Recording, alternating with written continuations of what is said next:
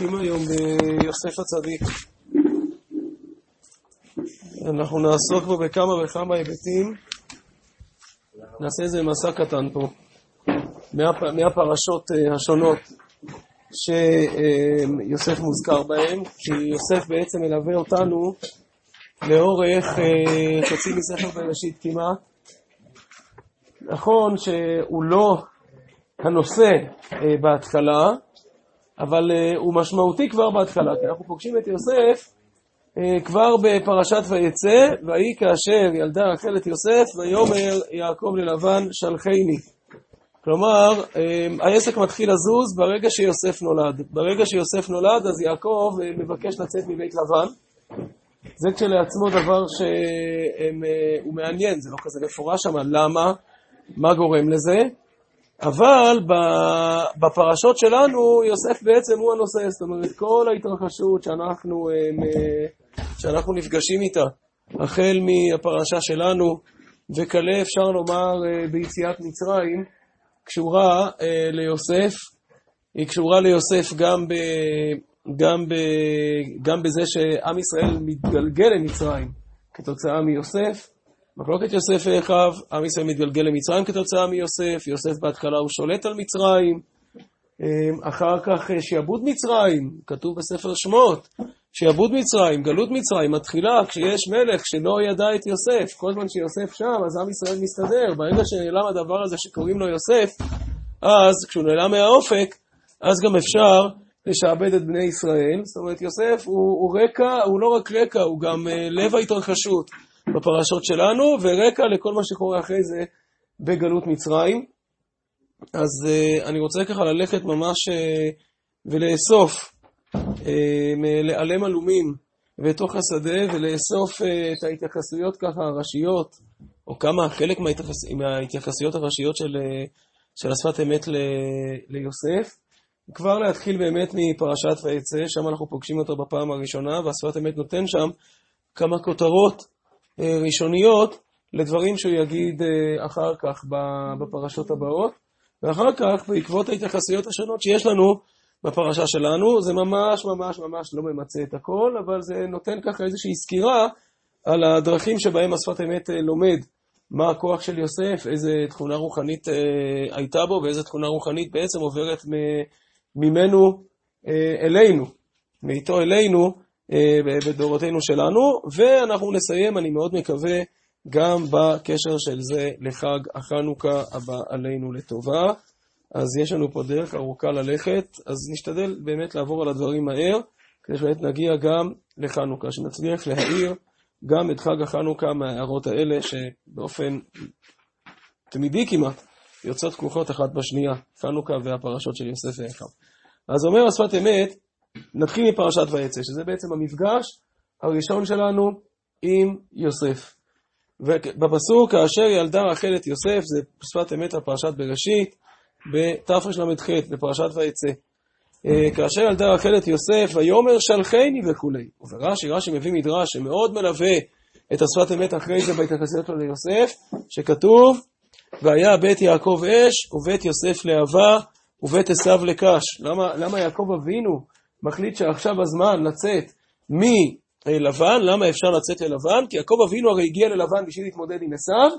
אומר יעקב אבינו, אמ, אש בלא להבה אינה שולטת למרחוק, ויעקב הוא כאש, יוסף הוא כלהבה, ועכשיו כשנברא ליעקב אבינו הכוח של הלהבה, הוא יכול בעצם ללכת ולחזור ולהתמודד עם עשיו, ככה אומר המדרש. עכשיו הדימוי הזה של אש ולהבה כבר זורק אותנו לאיזושהי מערכת יחסים בין יעקב לבין, אה, לבין יוסף. אש, אה, השפת אמת יסביר לנו, וגם אה, בהקשר הפשוט של המדרש, בהקשר הפשוט של הדימוי, אש בלי להבה אינה שולטת למרחוק. הכוונה היא שאש תמיד צריכה משהו להיאחז בו. זאת אומרת, באש, נכון שהתנועה הראשונית של האש, הנקודה הראשונית שבה אני נפגש עם אש, זה הניצוץ הראשוני, ההתלקחות הראשונית. אבל אם אין לאש במה להיאחז, אם היא לא מוצאת דברים שייתנו לה חומר בעירה, אז היא לא מצליחה להתמיד. זאת אומרת, למרות uh, הכוח האנרגטי הגדול שיש באש, הפוטנציאל האנרגטי הגדול שיש באש,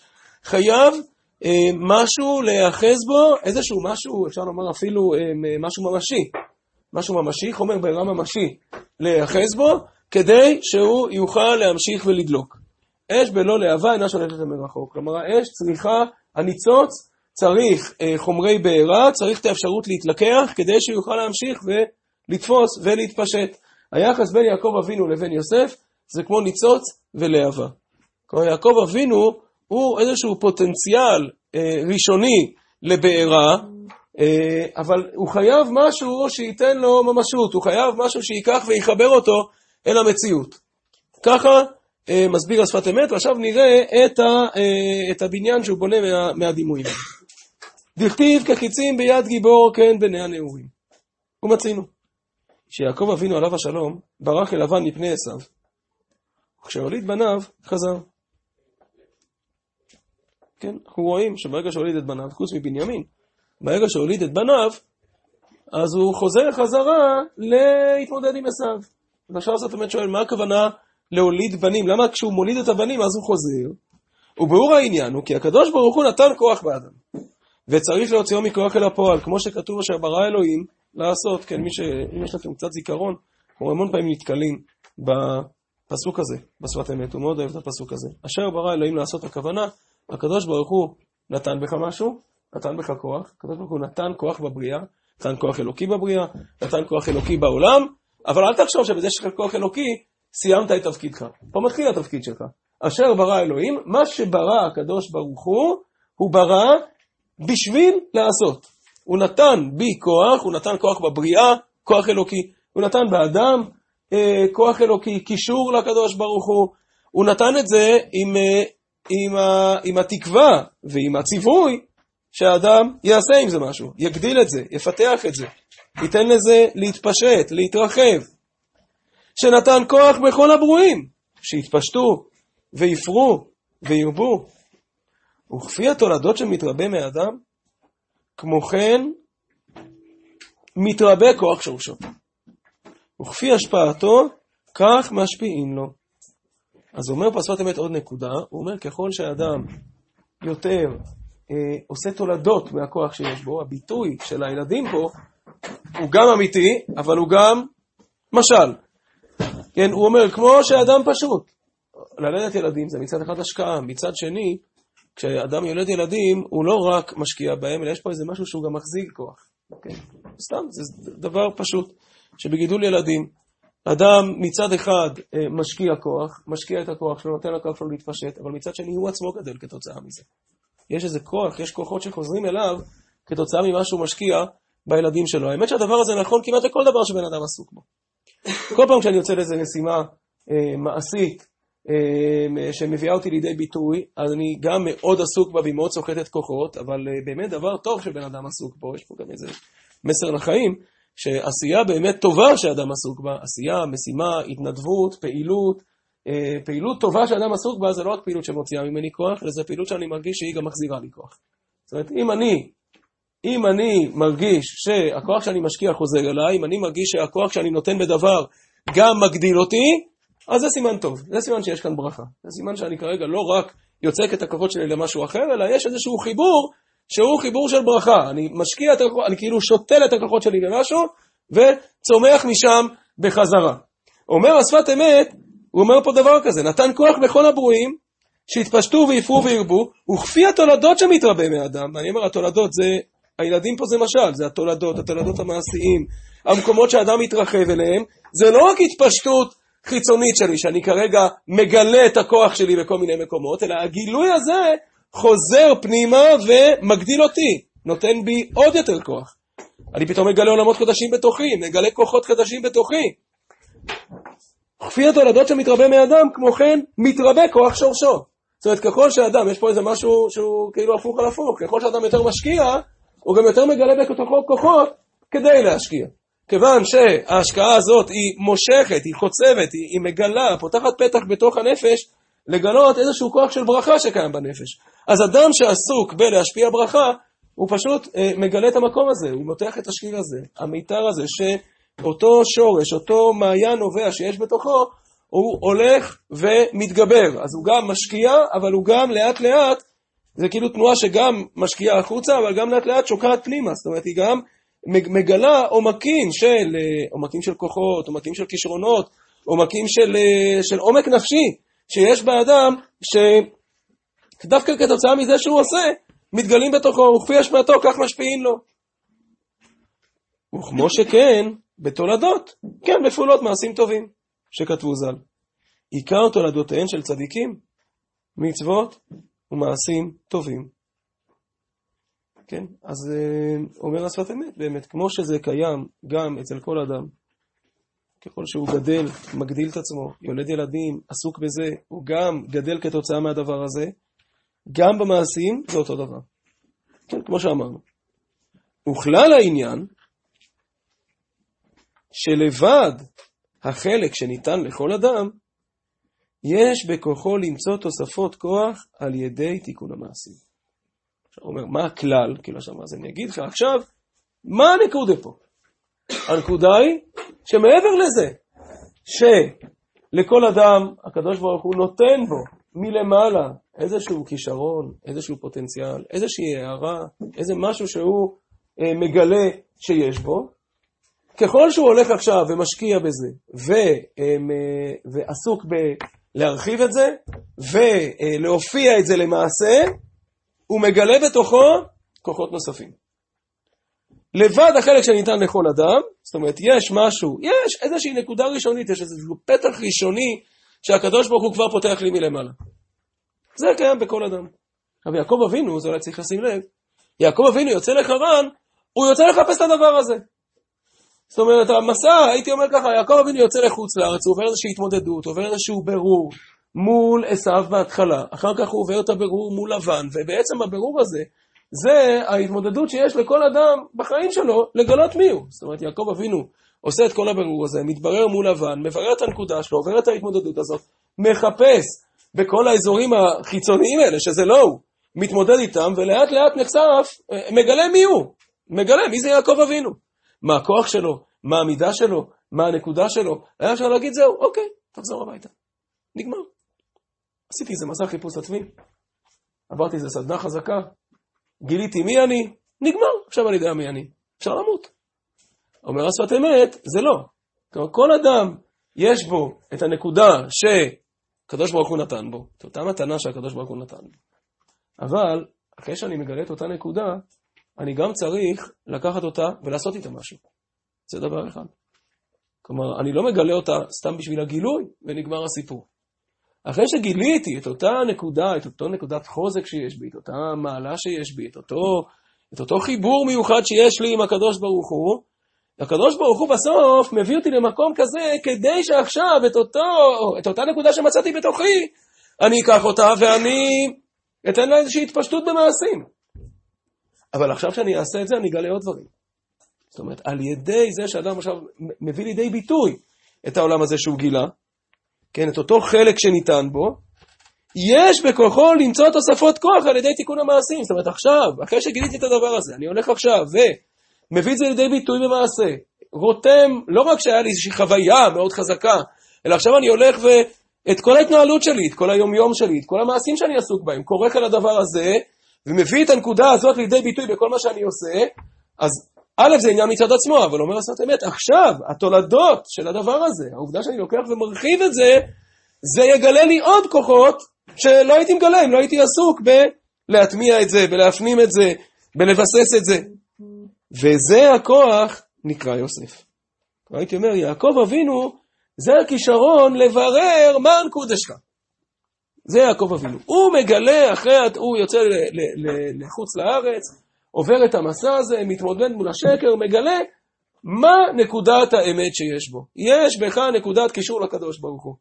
את זה יעקב אבינו נתן לנו. נתן לנו את האפשרות לצאת, להילחם מול השקר, להילחם בעולם מלא סתירות, ולגלות שיש לי קישור לקדוש ברוך הוא. זה לא מובן מאליו, היה יכול להיות אחרת. היה יכול להיות שינצחו אותו, והשקר ינצח. עכשיו הדבר הזה נכון באופן כללי, וזה נכון לכל אחד, שיש לאדם את היכולת לעבור איזושהי התמודדות ולגלות את הקישור שלו אל הקדוש ברוך הוא מתוך ההתמודדות הזאת. זה יעקב אבינו. אבל אדם יכול לגלות את זה, וזהו, ופה להפסיק. ו... ויוסף, זה העובדה שהקדוש ברוך הוא נתן לנו עוד כישרון, שאחרי שגיליתי את הדבר הזה, גם להפוך אותו למשהו שהוא מניע אותי עכשיו כל החיים שלי. ואני מצליח להביא אותו לידי ביטוי במעשים, בהנהגות, בעוד דברים שאני לוקח על עצמי, בעוד uh, עולמות שאני מגלה את זה דרכם. ואומר השפת אמת, כשאדם לוקח את זה ומביא את זה לידי ביטוי והופך את הדבר הזה לכוח שמניע עכשיו את כל החיים שלו, הוא מגלה עוד יותר ברכה, כתוצאה מזה שהוא בוחר לחיות ככה. וזה הכוח נקרא יוסף.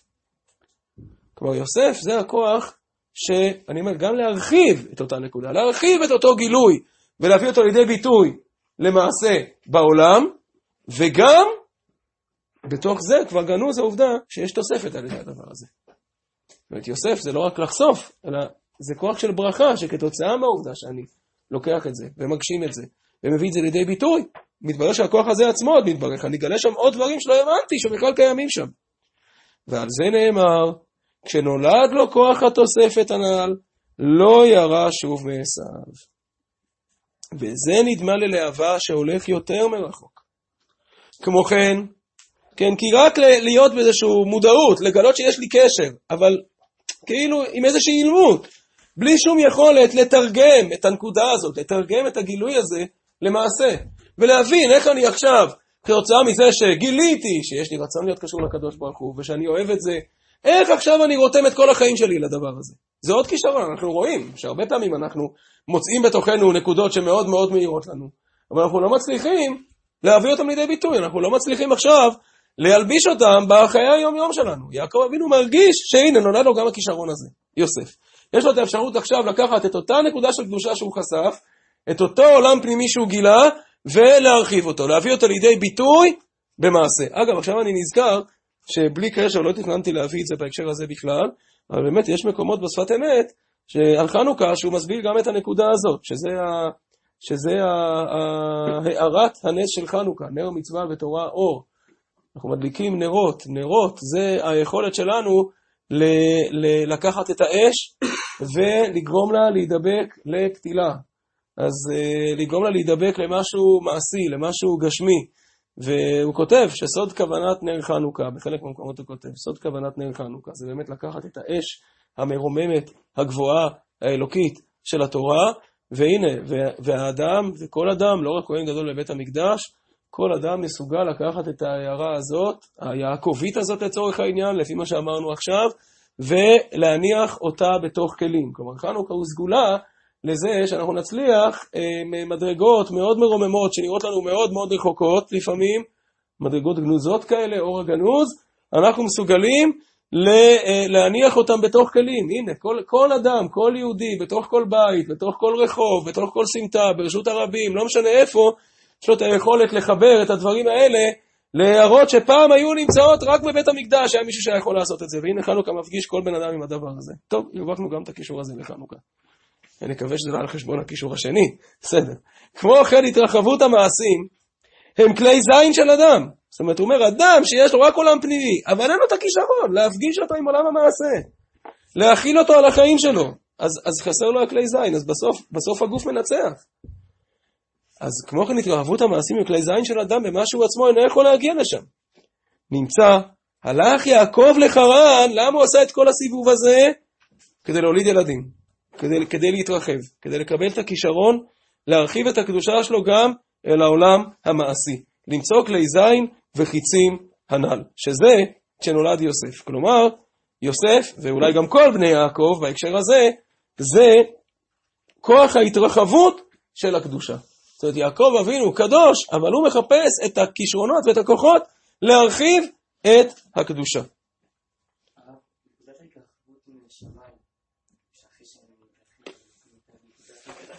מה זה?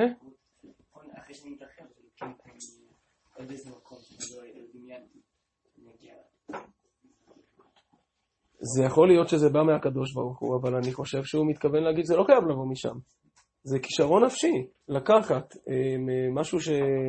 איזושהי נקודה רוחנית, ולפתח אותה, להרחיב אותה, גם לתת לה יותר אה, ביטוי בחיים, גם לנסות לראות איך היא נפגשת יותר עם העולם שאני חי בו, איזה מעשים יכולים להביא אותה לידי ביטוי, איזה הנהגות יכולים להביא אותה לידי ביטוי, איזה שינויים אני יכול להעביר בחיים שלי כדי לפגוש אותה, מה היא מאירה לי על כל מיני מצבים שעוברים עליי במציאות, מחוויה רגעית, היא הופכת להיות משהו שמדליק את כל, ה... את כל העשייה שלי. אז אה, גם אה, עבודה של האדם עצמו. מה? כפי, אז הוא אומר, כפי השפעתו, ככל שאדם עושה את זה, הוא גם, הוא, הוא לא רק עסוק בלהשקיע ב, אלא הוא מגלה, הוא, הוא כל הזמן חוזר לגלות שהנקודה הזאת עצמה, היא מתרחבת לו, היא מופיעה לו, הוא מגלה בתוכה עוד עומקים.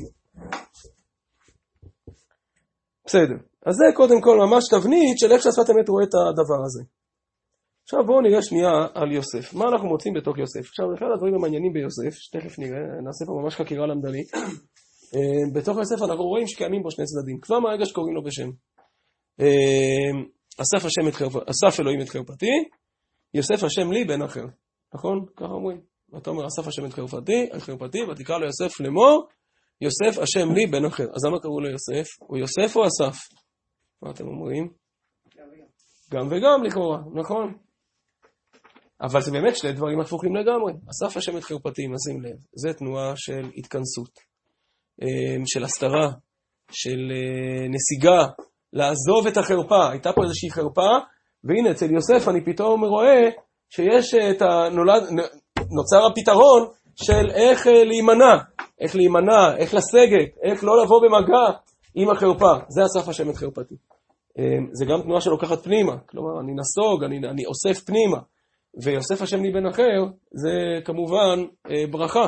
זה תנועה של ברכה, זה תנועה של התרחבות.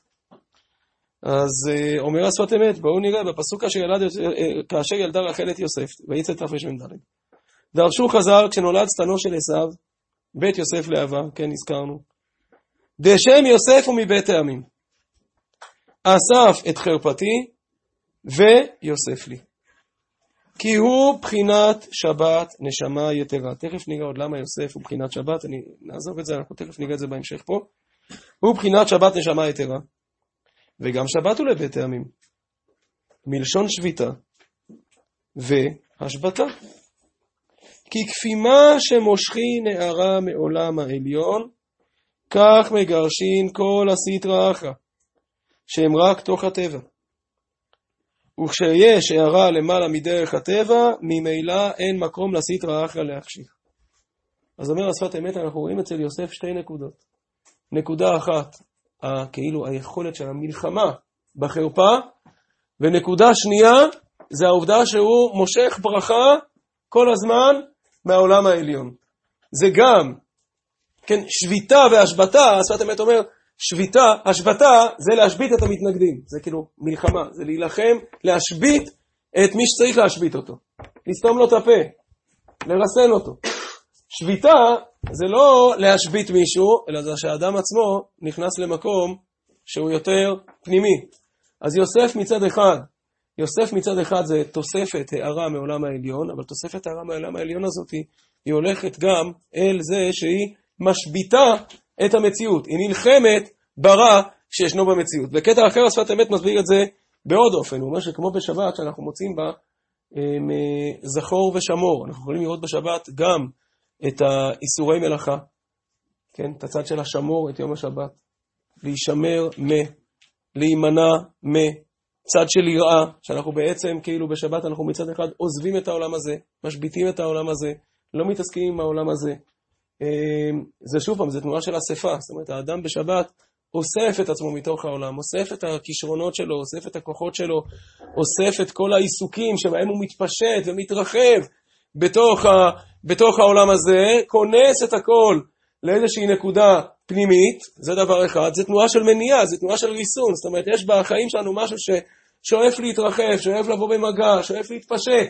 אל תוך המציאות, ואנחנו בשבת קודם כל אוספים אותו, יש איזו תנועה של סור מרע, לשבות מהעולם, זה דבר אחד.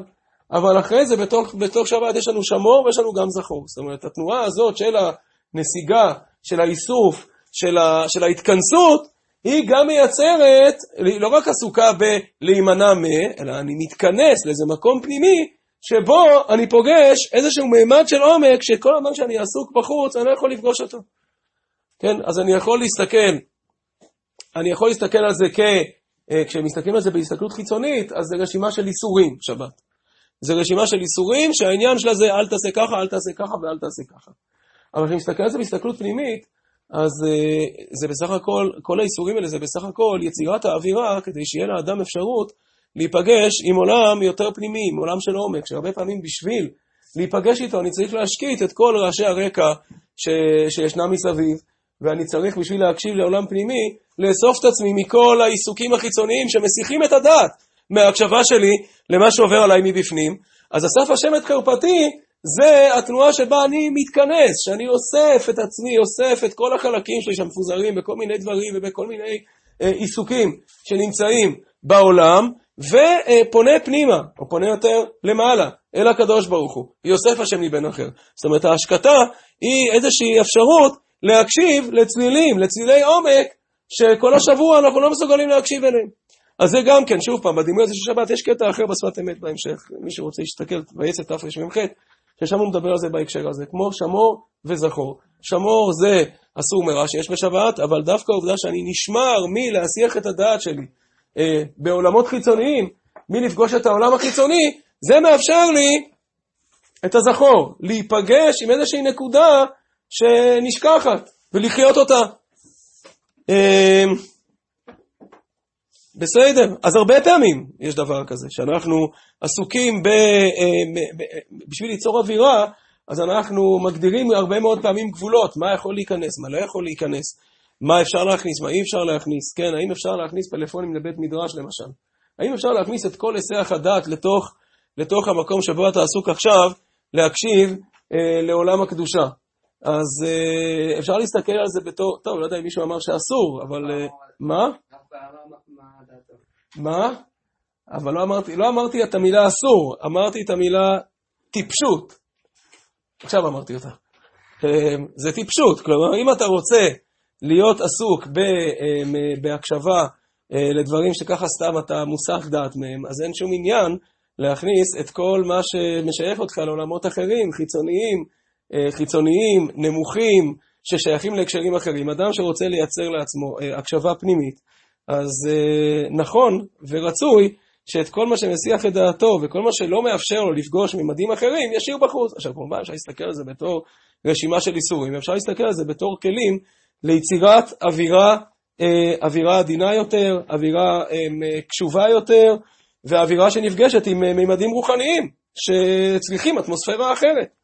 אז שבת זה דוגמה מצוינת. בשביל להיפגש עם אטמוספירה רוחנית, צריך להרגיע את כל האטמוספירה הגשמית שאדם נמצא בה. אסף את שמן חרפתי, זה התניה לזה שפתאום אני אגלה שוואו, יש בתוכי תוספת, יש בתוכי יוסף השם לי בן אחר. אמ, אז זה, שוב פעם, שני צדדים שיש לנו ביוסף. עכשיו בואו נראה אמ, איפה זה מופיע בפרשה שלנו. אמרתי, זה סוג של חקירה. אנחנו נראה עכשיו ביוסף את שני הצדדים האלה. השפת אמת מטפל בשני הצדדים האלה. מצד אחד הצד הזה של ההתכנסות, של המניעה מהחרפה, של ההתכנסות פנימה, ומצד שני, היכולת לבוא, אה, אה, ליצור את החיבור וליצור את הברכה. ומתברר שכל פעם, עכשיו אני אגיד כבר את, ה, את הנקודה, שכל פעם כשאני רוצה אה, לבוא במגע, לקדש את העולם הזה, איך עושים את זה? כאילו, איך אפשר לעשות את זה? איך אפשר להופיע את אותה קדושה של יעקב אבינו בתוך העולם? אז זה דורש שתי עבודות. זה דורש עבודה ראשונה של אסף השם את חרפתי, זאת אומרת איזושהי תנועה של התכנסות פנימית כבר בתוך העולם. כשאני נמצא פה בתוך העולם, לדעת ולהסתכל על העולם הזה באופן כזה שבו אני אוסף את כל נקודות הקדושה שיש בו, מסיר החוצה את כל הפסולת שיש בו, זה נקודה ראשונה. ונקודה שנייה, אחרי שזיהיתי את זה, אז אני יכול לקחת את אותן נקודות של קדושה שיש פה במציאות ולהרבות אותן ולהרחיב אותן. אבל בלי שיש את שתי התנועות, אז משהו יתפספס.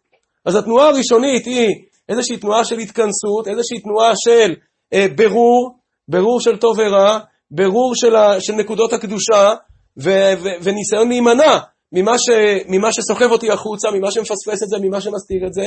והנקודה השנייה תהיה, אחרי שביררתי את זה, להוסיף ברכה ולהגביר את, ולהגביר את כוחות החיים של נקודות הקדושה. שני הדברים האלה נמצאים בתוך יוסף. כאילו, יוסף, נקודת המעבר, צריכה לכלול את שני הדברים האלה. עכשיו נתחיל לראות את זה אחד-אחד. וואו, מה השעה? כן.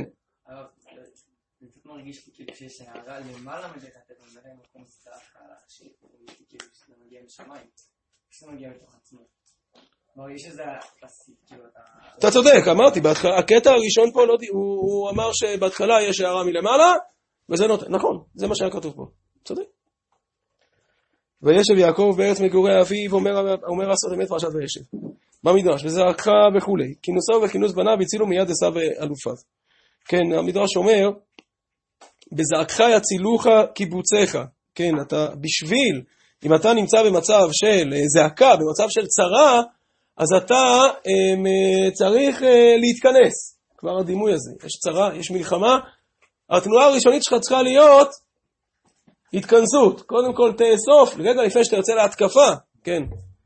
קודם כל תאסוף את כל הכוחות שלך, תייצב את כל השורות, אחרי זה תצא להתקפה. אם, אם כל הכוחות שלך מפוזרים בשטח, אתה לא יודע מי נמצא איפה, אה, אין לך קווי הגנה מבוססים, אז אתה לא תוכל לנהל את ההתקפה. כינוסו וכינוס בניו הצילו מיד עשיו ואלופיו. זאת אומרת, יעקב אבינו כביכול מזהה את עשיו, שולט בכל השטח.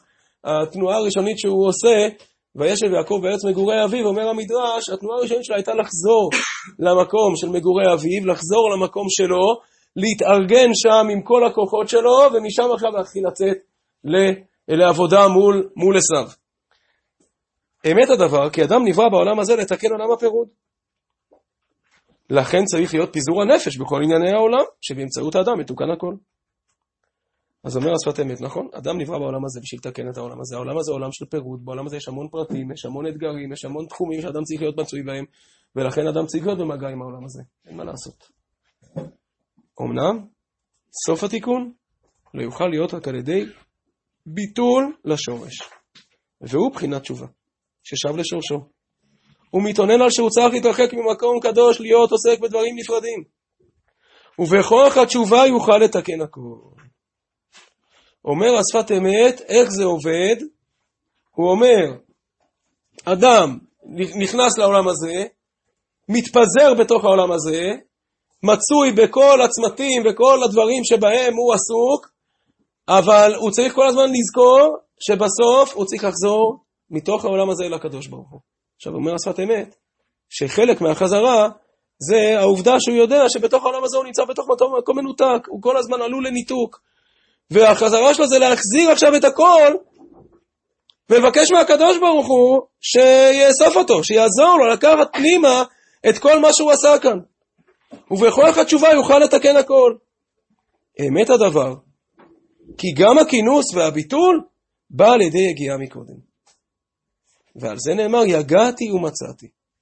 והוא יגיעת האדם בימי המעשה. זאת אומרת, אומר שפת אמת, יש לנו פה איזושהי תנועה שהאדם כל הזמן נמצא בה. האדם כל הזמן נמצא בתנועה שמצד אחד, ימי המעשה, כן, ימי המעשה, הוא נמצא ביגיעה, והיגיעה הזאת זה לא סתם יגיעה שבה הוא נופל ולא מצליח, אלא הוא יגע ועמל ועושה את המלחמות, ימי המעשה זה ביטוי לכל המלחמות שאדם צריך לעשות על, ה, על הקדוש ברוך הוא בעולם הזה, לתקן את העולם הזה, לברר את העולם הזה, כן, גם המלאכות, הן מלאכות התיקון, לברר את העולם הזה, ומתוך כל המלאכות האלה גם הוא מצליח, מתוך היגיעה הזאת, לגלות, לברר דברים. וכשאותם דברים, כשאותם דברים מתבררים לו, הוא מצליח להשיג מתוכם את המקום שלהם, את הקשר שלהם אל הקדוש ברוך הוא, הוא צריך אחרי זה לחזור, לאסוף את הכל ולחזור אל השבת. זאת אומרת, אחרי זה, אחרי זה האדם, אחרי, מתוך שהאדם יגע, מחפש את הקדוש ברוך הוא בימי המעשה, עושה את העבודה של התיקון בימי המעשה, אז כשמגיעה שבת, כשמופיע אה, איזושהי הופעה אלוקית מלמעלה, אז כשזה מופיע, הוא נמצא שם. אותו אחד שעובר את העולם הזה בלי לעשות בו שום דבר, אה, נמצא בו, מטייל בו, ולא עמל ולא, ולא ערני בכלל למשמעויות האלוקיות שיש בו, אז כשמופיע איזושהי הערה שקשורה אל השורש, כשפתאום מופיע איזושהי בחינה של שבת, שבה הקדוש ברוך הוא חוזר ומאיר את הכל, הוא בכלל לא כלי להבחין בזה. אותו אדם שיגע ועמל בתוך השבוע, בתוך העולם הזה, אז אומר השפת אמת, ברגע, ש, ברגע שיש את ההזדמנות להתחבר למשהו יותר גבוה, הוא שם. זה יגעתי ומצאתי, כן? הוא מביא הרבה פעמים את הדבר הזה, שהיגיעה זה עמל, והמציאה זה משהו שהוא כבר יותר, זה מכפלת כוח, זה יותר ממה שאתה עמלת. אבל על ידי העובדה שהיית עמל, שניסית לתקן, שפעלת, שעסקת בבירור, בניסיון באמת לפגוש את הקדוש ברוך הוא בכל מיני צמתים, ברגע שהקדוש ברוך הוא פתאום מופיע בדרך מתנה, בדרך יציאה, בדרך מציאה. שבת זה לא לפי הכוחות שלנו, זה משהו שהקדוש ברוך הוא מופיע מלמעלה. אבל אז, כשהדבר הזה מופיע, יש לך מקום בתוך זה. זאת אומרת, זה, זה מדבר אליך, זה מאיר לך את המקומות שעברת בהם. אתה פתאום מסוגל לקבל מזה כוחות נוספים. אז על ידי זה זוכה אחר כך בשבת, יום מנוחה. מתנה טובה, זה כבר מתנה. אבל איך אפשר למצוא את המתנה הזאת? איך אני יכול להיות קשור בכלל לדבר הזה? מציאת מנוחה זו על ידי היגיעה הקודמת. ומכל אלה הדברים היה עבודת אבינו יעקב בצאתו לחו"ל. זאת אומרת, יעקב אבינו יוצא לחו"ל, הולך לעשות את המסע של הבירור שלו, של התיקון שלו, של אה, לחפש את הקדוש ברוך הוא בחוץ לארץ, במקומות שהם מחוץ להופעת הקדושה. אבל אחר כך, אחרי כל הסיבוב הזה שהוא עושה, הוא מבין שהוא צריך לקחת את כל מה שהוא עבר פה בעולם הזה, ולחזור ולהתבטל עם זה לקדוש ברוך הוא, ולהחזיר את זה לקדוש ברוך הוא. ואחר כך וישב, מגורי אביו. כן, חוזר אל נקודת המוצא שלו, חוזר אל נקודת השורש שלו. מגורי אביו גם, מגורי זה מלשון יראה, שיראה זה תנועה של ביטול. הוא הביטול לשורש כנ"ל. כלומר, יש פה באמת איזושהי תנועה, שאפשר לומר, תנועה של רצו ושוב כזאת, שהשפת אמת מתאר. מצד אחד אדם הולך ופועל ומחפש את הקדוש ברוך הוא בעולם, ואדם פעיל ועושה ויוזם ויגע ונלחם מלחמות, ובסוף, אחרי כל המלחמות ואחרי כל העבודה, הוא חוזר. יש פה איזו תנועה שאחרי זה הוא חוזר אל השורש, חוזר אל הקדוש ברוך הוא. בתוך החזרה הזאת יש גם משהו שהקדוש ברוך הוא מאיר לו, ושם האדם לא פעיל, שם הוא עסוק רק בלהקשיב, בלקבל מלמעלה, בלמסור את כל האישיות שלו ואת כל מה שהוא עבר לגבוה. וזהו שנאמר, אלה תולדות יעקב, יוסף. עכשיו בואו נראה מה הצד של יוסף פה באמת. כי היגיעה בתורה הוא בחינת יעקב. אז יעקב זה ההליכה הזאת אל חוץ לארץ, אל המקומות הרחוקים, אל החיפוש, אל העבודה. ואם הוא באמת, כמו שכתוב, תיתן אמת ליעקב, פעל את זה לבחינת יוסף, שהוא הכינוס. אז נשים לב. כן, אני אומר, זה עכשיו חקירה למדנית. עם מה אנחנו נפגשים פה עכשיו מיוסף? אז הוא אומר, פה אנחנו פוגשים את יוסף של האיסוף. אם אדם, אחרי כל הפיזור שלו בעולם הזה, ואחרי כל העבודה שלו, מסוגל לחזור ולהתבטל אל הקדוש ברוך הוא, והוא מבין שבסוף המקום שלו זה אצל הקדוש ברוך הוא, אז סימן שהוא עבר פה את העולם הזה כמו שצריך. אם הוא לא מצליח, סימן שהוא כנראה נלכד פה בתוך העולם הזה, נלכד בתוך העולם הזה, נלכד בתוך האגו שלו, נלכד בתוך החיפוש שלו אחרי עצמו, ולא אחרי, והוא לא חיפש פה את הקדוש ברוך הוא.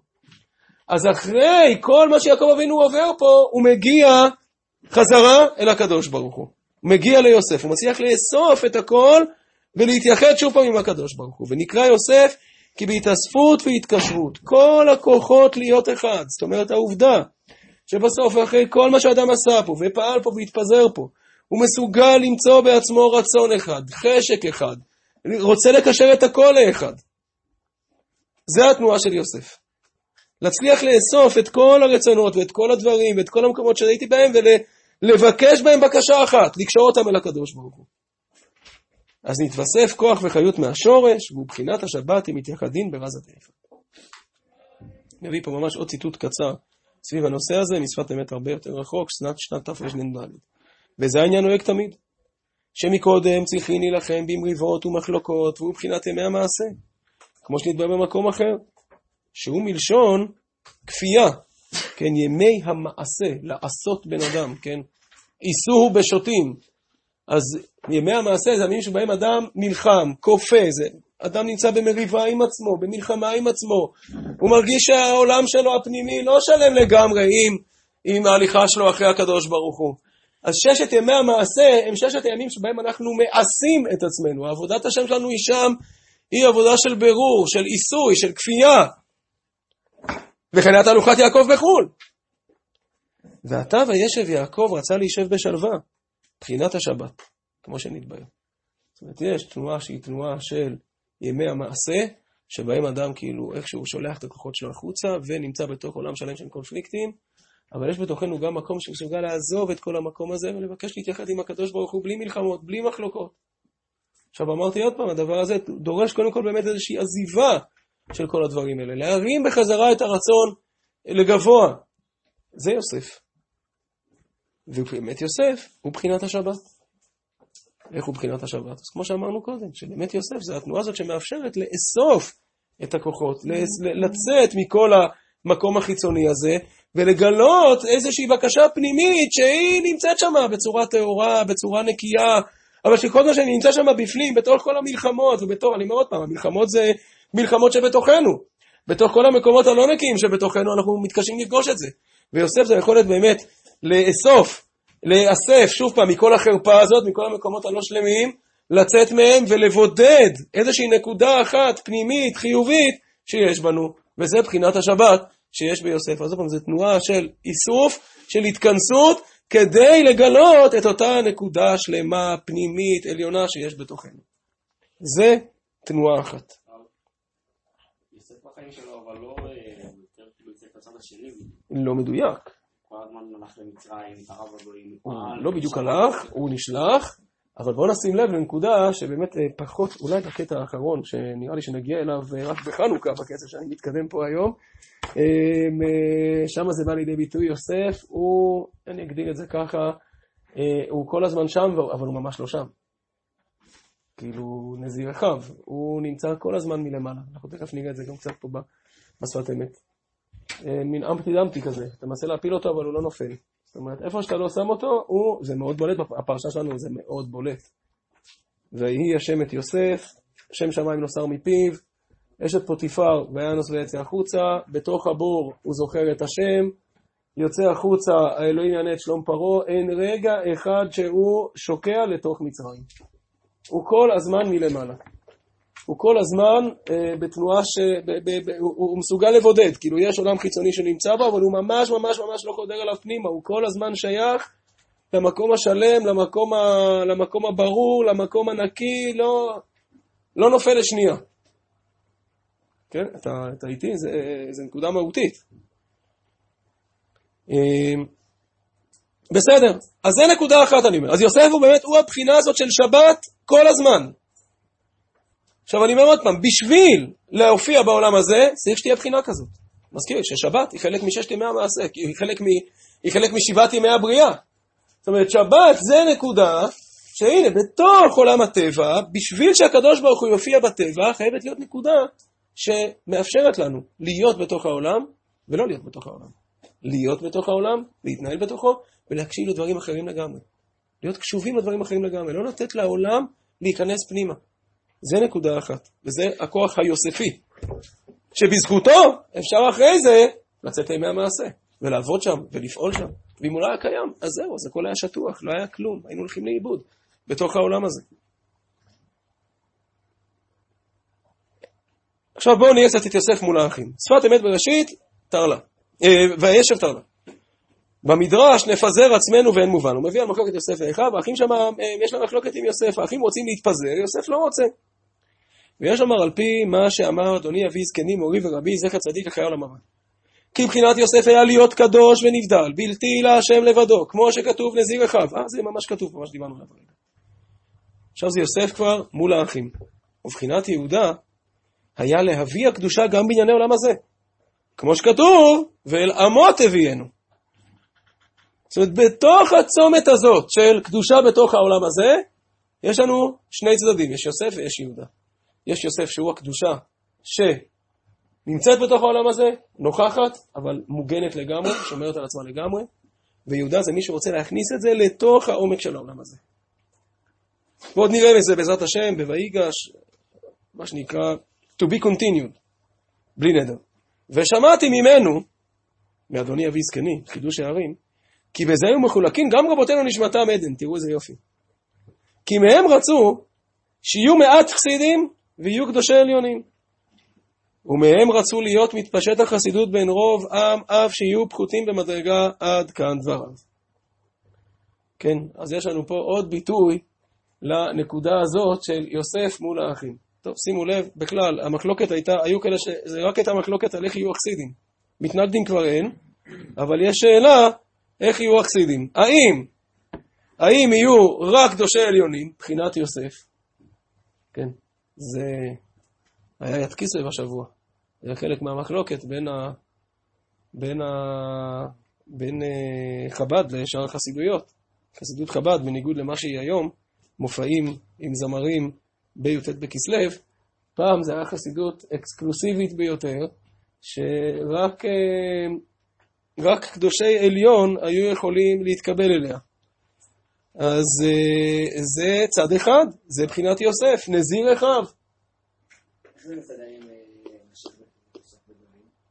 איך זה מסתדר? זה מאוד מסתדר. אני אמר קודם, שיוסף הוא דווקא הוא ה- יותר איש חומר שפועל. כי אתה למדת את, אה, המספד של הרב קוק. אבל באמת, אתה לא למדת את השפת אמת על זה, בשפת אמת זה הפוך. בשפת אמת זה הפוך. בשפת אמת זה, בחסידות כולה זה הפוך. זה באמת לא ברור. אה, זה לא ברור. פעם שאלתי את הרב בלומנצוויג על זה, אמרתי לו, תראה, זה ממש הפוך. איך, איך מסבירים את זה? אז הוא אמר לי שזה שאלת עולם. לא יודע. אז אה, טוב, שהוא לא יודע. אז אה, קיצר, כרגע אנחנו בשפת אמת, זה באמת הפוך לגמרי. החסידות והרב קוק פה זה הפוך לגמרי, לפחות המספד, ברב קוק יש עוד התייחסויות, אז צריך לשים לב. ומהם רצו להיות מתפשט החסידות בין רוב העם, אף שיהיו פקודים במדרגה, עד כאן דבריו. ולפי זה, אז זה עוד נקודה, אני אומר עוד פעם, אז יש לנו ביוסף את הבחינה הזאת של שבת, ואת הבחינה הזאת של להישאר מרומם, לא ליפול, נזיר אחיו, לא להתערבב. וזהו שנאמר נפזר עצמנו, כי זה עיקר התועלת, להיות הנהגה כרצונם. יפה. עוד היבט של יוסף. תולדות יעקב יוסף דכתיב בית יעקב אש יוסף להווה יעקב הוא התורה כה דברי כאש והוא למעלה מהטבע. רק העצה להיות נכנס אור התורה בנפש האדם הוא על ידי החשק והתלהבות והוא בחינת יוסף הצדיק. אז עכשיו בסוף מוסיף לנו עוד היבט של מה זה יוסף הצדיק. כלומר, תורה זה נקודה מופשטת, פנימית מאוד, זה כאילו בדימוי פה, אבל אתה רוצה שהתורה שלך תהפוך להיות משהו שמופיע בחיים, אתה חייב שיהיה גם מערכת שמתרגשת מזה, מתלהבת מזה, חיה את זה. זה יוסף. וזהו שאמר רש"י על ידי להבה שולט למרחוק. כי מצד החשק, מה שאדם מרוחק יותר, נתרבה החשק לו להתקרב. כן, אז זה כבר אומר. מה זה להבה? להבה זה ההתלהבות. יוסף זה הכוח של ההתלהבות. עכשיו הוא מוסיף עוד איזה הערה יפה, אש בלא להבה שולט, אש עם להבה שולט למרחוק, אז השפת למד עושה את זה פה דרשה חסידית. על ידי המרחק מתרבה הלהבה. איך לאש תהיה להבה? על ידי העובדה שיש מרחק, יוסף זה מי ש...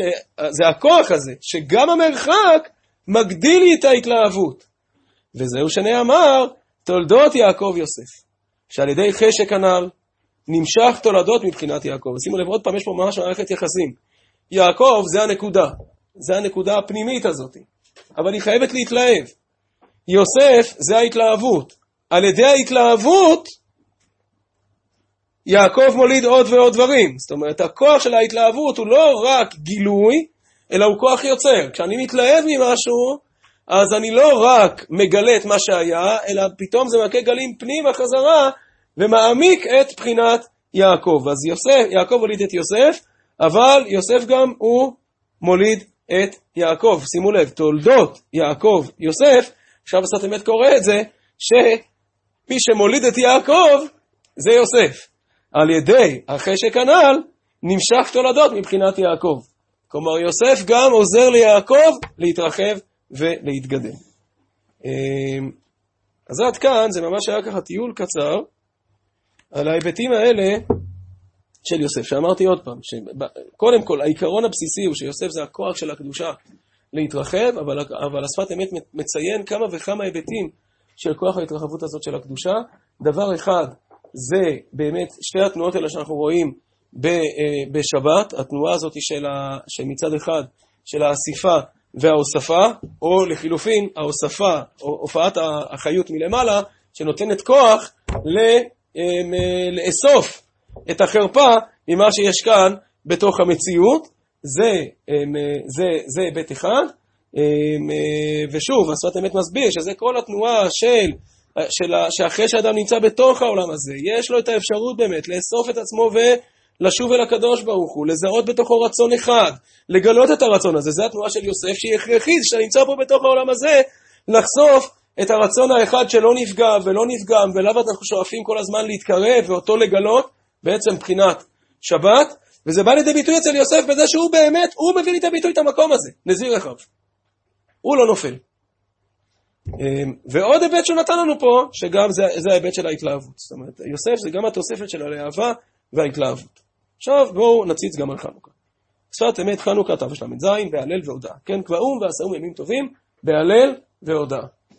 שמעתם מפה קדוש, אדוני מורי וזקני ז"ל, שהם בחינת יוסף ויהודה. אז קודם כל, הלל והודאה, זה באמת הבחינת יום טוב של חנוכה.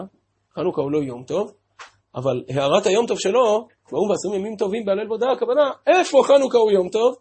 בהלל והודאה. בהלל, שאנחנו אומרים, ובתוספת, בברכת הודאה. שם מתגלה הבחינות של היום טוב. הערת היום טוב של חנוכה מתגלה שם. ביאור העניין, כי הלל אינו מיוחד לנס דחנוכה, רק כמצווה כללית, על כל גאולה, כמובן בדברי חז"ל, כן? קודם כל באמת זה דבר מפתיע, הלל יש לנו בכל חג וחג. למה חנוכה הוא יום טוב בהלל והודאה? אז אומר השפת האמת, קודם כל, מה יש לנו בהלל? זה מצווה כללית, שמה יש בה? הוא פירוש שבהלל נזכר איך בני ישראל מיוחדים לקדוש ברוך הוא. שהגע לנו ממצרים, להיות לו לעם נחלה, והוא מדרגת בני ישראל בעצמותם. אז קודם כל, מה אנחנו מספרים בהלל? בהלל אנחנו מספרים איך הקדוש ברוך הוא לקח את בני ישראל ממצרים, הוציא אותם, נתן בהם כוחות. אנחנו בעצם מתארים את איך שהקדוש ברוך הוא קרב אותנו אליו. אומר השפת אמת, זאת מדרגת בני ישראל בעצמותם. ההלל מתחיל מזה שאנחנו מתארים מהי המדרגה שלנו. הללו עבדי השם ולא עבדי פרעה. אנחנו עבדי השם. וזה בכלל לא התחיל מאיתנו, זה הקדוש ברוך הוא עשה אותנו. בצאת ישראל ממצרים, בית יעקב מהמלואי, זו הייתה עדה לקדשו. הקדוש ברוך הוא שלף אותנו ממצרים, זה לא היה בכוחנו, גילה שאנחנו לא שייכים למה שישנו פה בתוך העולם הזה, והפך אותנו לקדושים. זאת המדרגה של בני ישראל. אמ, אך על ידי השעבוד מלכויות, אין בכוח בני ישראל לבוא למקום המיוחד להם, להתייחד לבורא עולם. אך בעת שיש גאולה יכולים לקרוא הלל. אז אומר השפת אמת, אנחנו לא קוראים את ההלל כל יום. בתוך העולמות של השעבוד לא מתגלה הנקודה הזאת שלנו. למה אנחנו קוראים את ההלל בזמנים של גאולה? כי כשאנחנו נמצאים בזמן של גאולה, אז מתגלה המדרגה שלנו. כל פעם כשאנחנו בחג, של, בחג שמציין איזושהי גאולה, זה זמן שבו אותה מדרגה של הקשר בינינו לבין הקדוש ברוך הוא, שלא מתחיל מאיתנו, שהוא כולו שלו, מתגלה.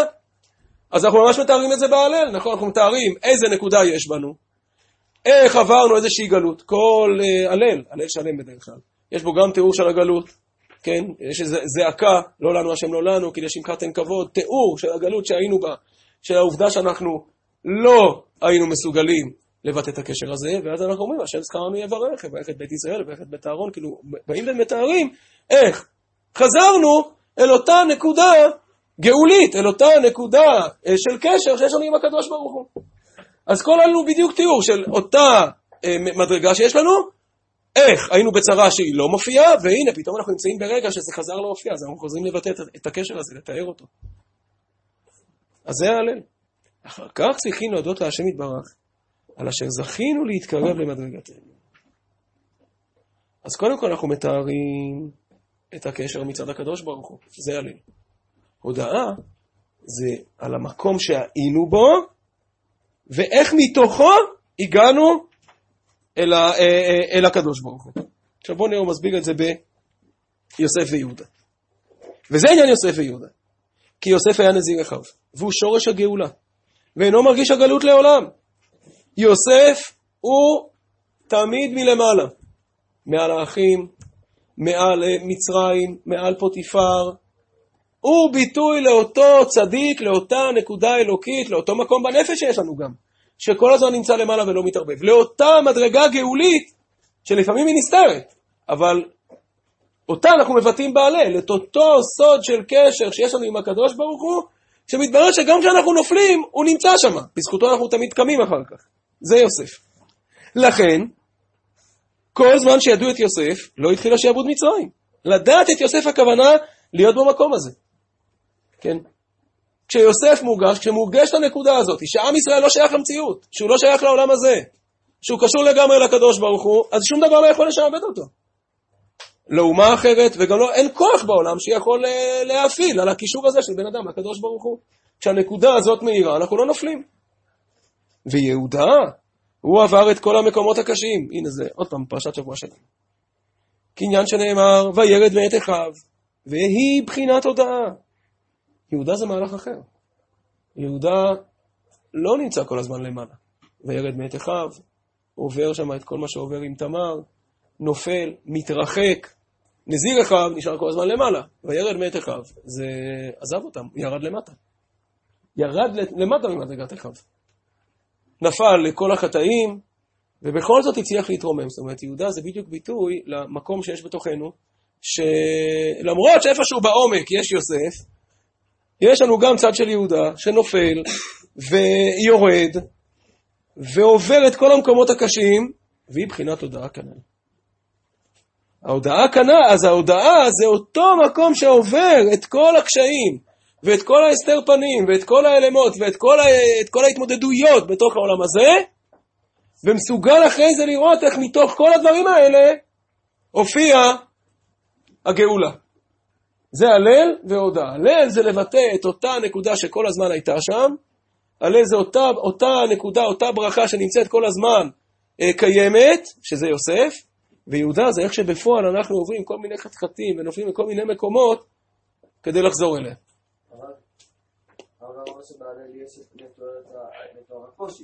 אבל זה הכל מלמעלה. כן.